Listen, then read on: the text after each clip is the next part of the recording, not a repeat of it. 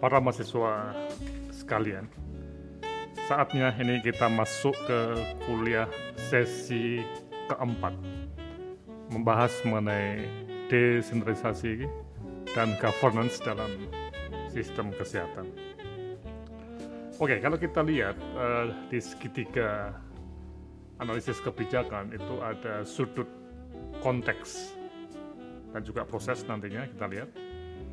Nah, di dalam konteks atau situasi yang terkait dengan uh, kebijakan itu ada satu hal yang sangat penting yaitu mengenai desentralisasi wewenang untuk membuat kebijakan. Nah, negara-negara ada yang bersifat sentralistik di mana semua kebijakan itu ditetapkan oleh pemerintah pusat. Sementara di berbagai negara lainnya, termasuk Indonesia, itu masuk dalam kebijakan yang desentralistik, di mana berbagai keputusan kebijakan itu ditetapkan tidak hanya di pusat, tapi juga diberikan ke pemerintah provinsi ataupun kabupaten. Nah ini yang menarik.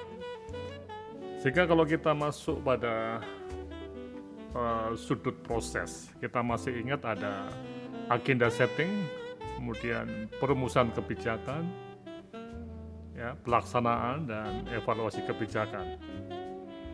Nah, ketika melakukan semacam perumusan kebijakan, itu memang pertanyaan menarik. Mana-mana yang ditetapkan oleh pusat dan mana-mana yang ditetapkan oleh pemerintah di provinsi ataupun kabupaten ini menjadi satu hal yang uh, penting untuk kita lihat. Kemudian juga ketika sudah menjadi kebijakan, nah ini yang menarik, apakah terjadi suatu sinkronisasi antara kebijakan pusat dengan daerah atau masih belum terjadi semacam sinkronisasi. Dan bahkan ini yang sering terjadi itu ada konflik antar tingkat. Jadi ketika kita bicara mengenai desentralisasi, ya kita akan masuk pada sebuah proses kebijakan yang lebih rumit dibanding negara yang sentralistik. Termasuk di sini bagaimana governance pemerintah pusat dan daerah.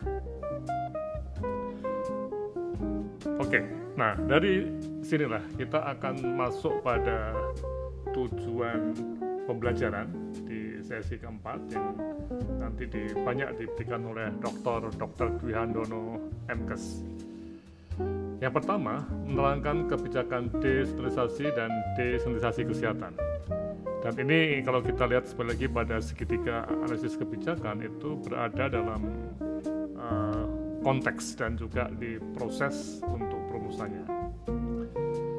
Kemudian yang kedua, menerangkan good governance di sektor kesehatan yang merupakan sebuah prinsip yang sangat penting untuk mendapatkan uh, pemerintah yang bisa membuat kebijakan yang akuntabel, transparan dan juga banyak partisipan dari berbagai pihak.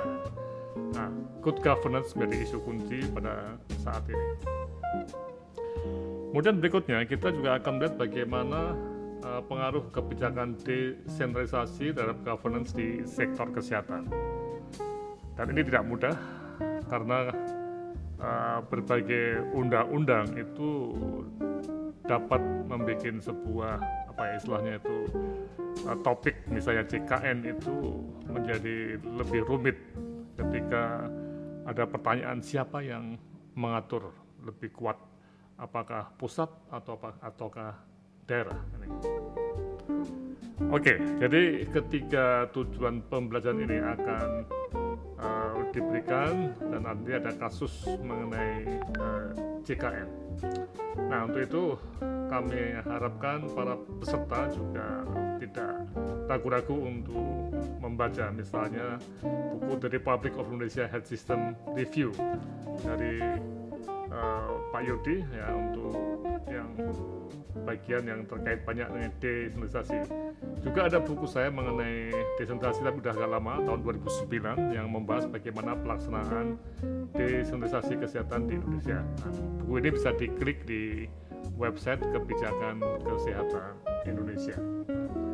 Kemudian juga ada jurnal WHO tahun 2016 tentang health system governance, better policies, and then stronger performance. Nah ini yang menjadi isu yang kunci. Memang governance tidak mudah, tapi kita harus uh, pelajari dengan baik supaya kita bisa menerapkan.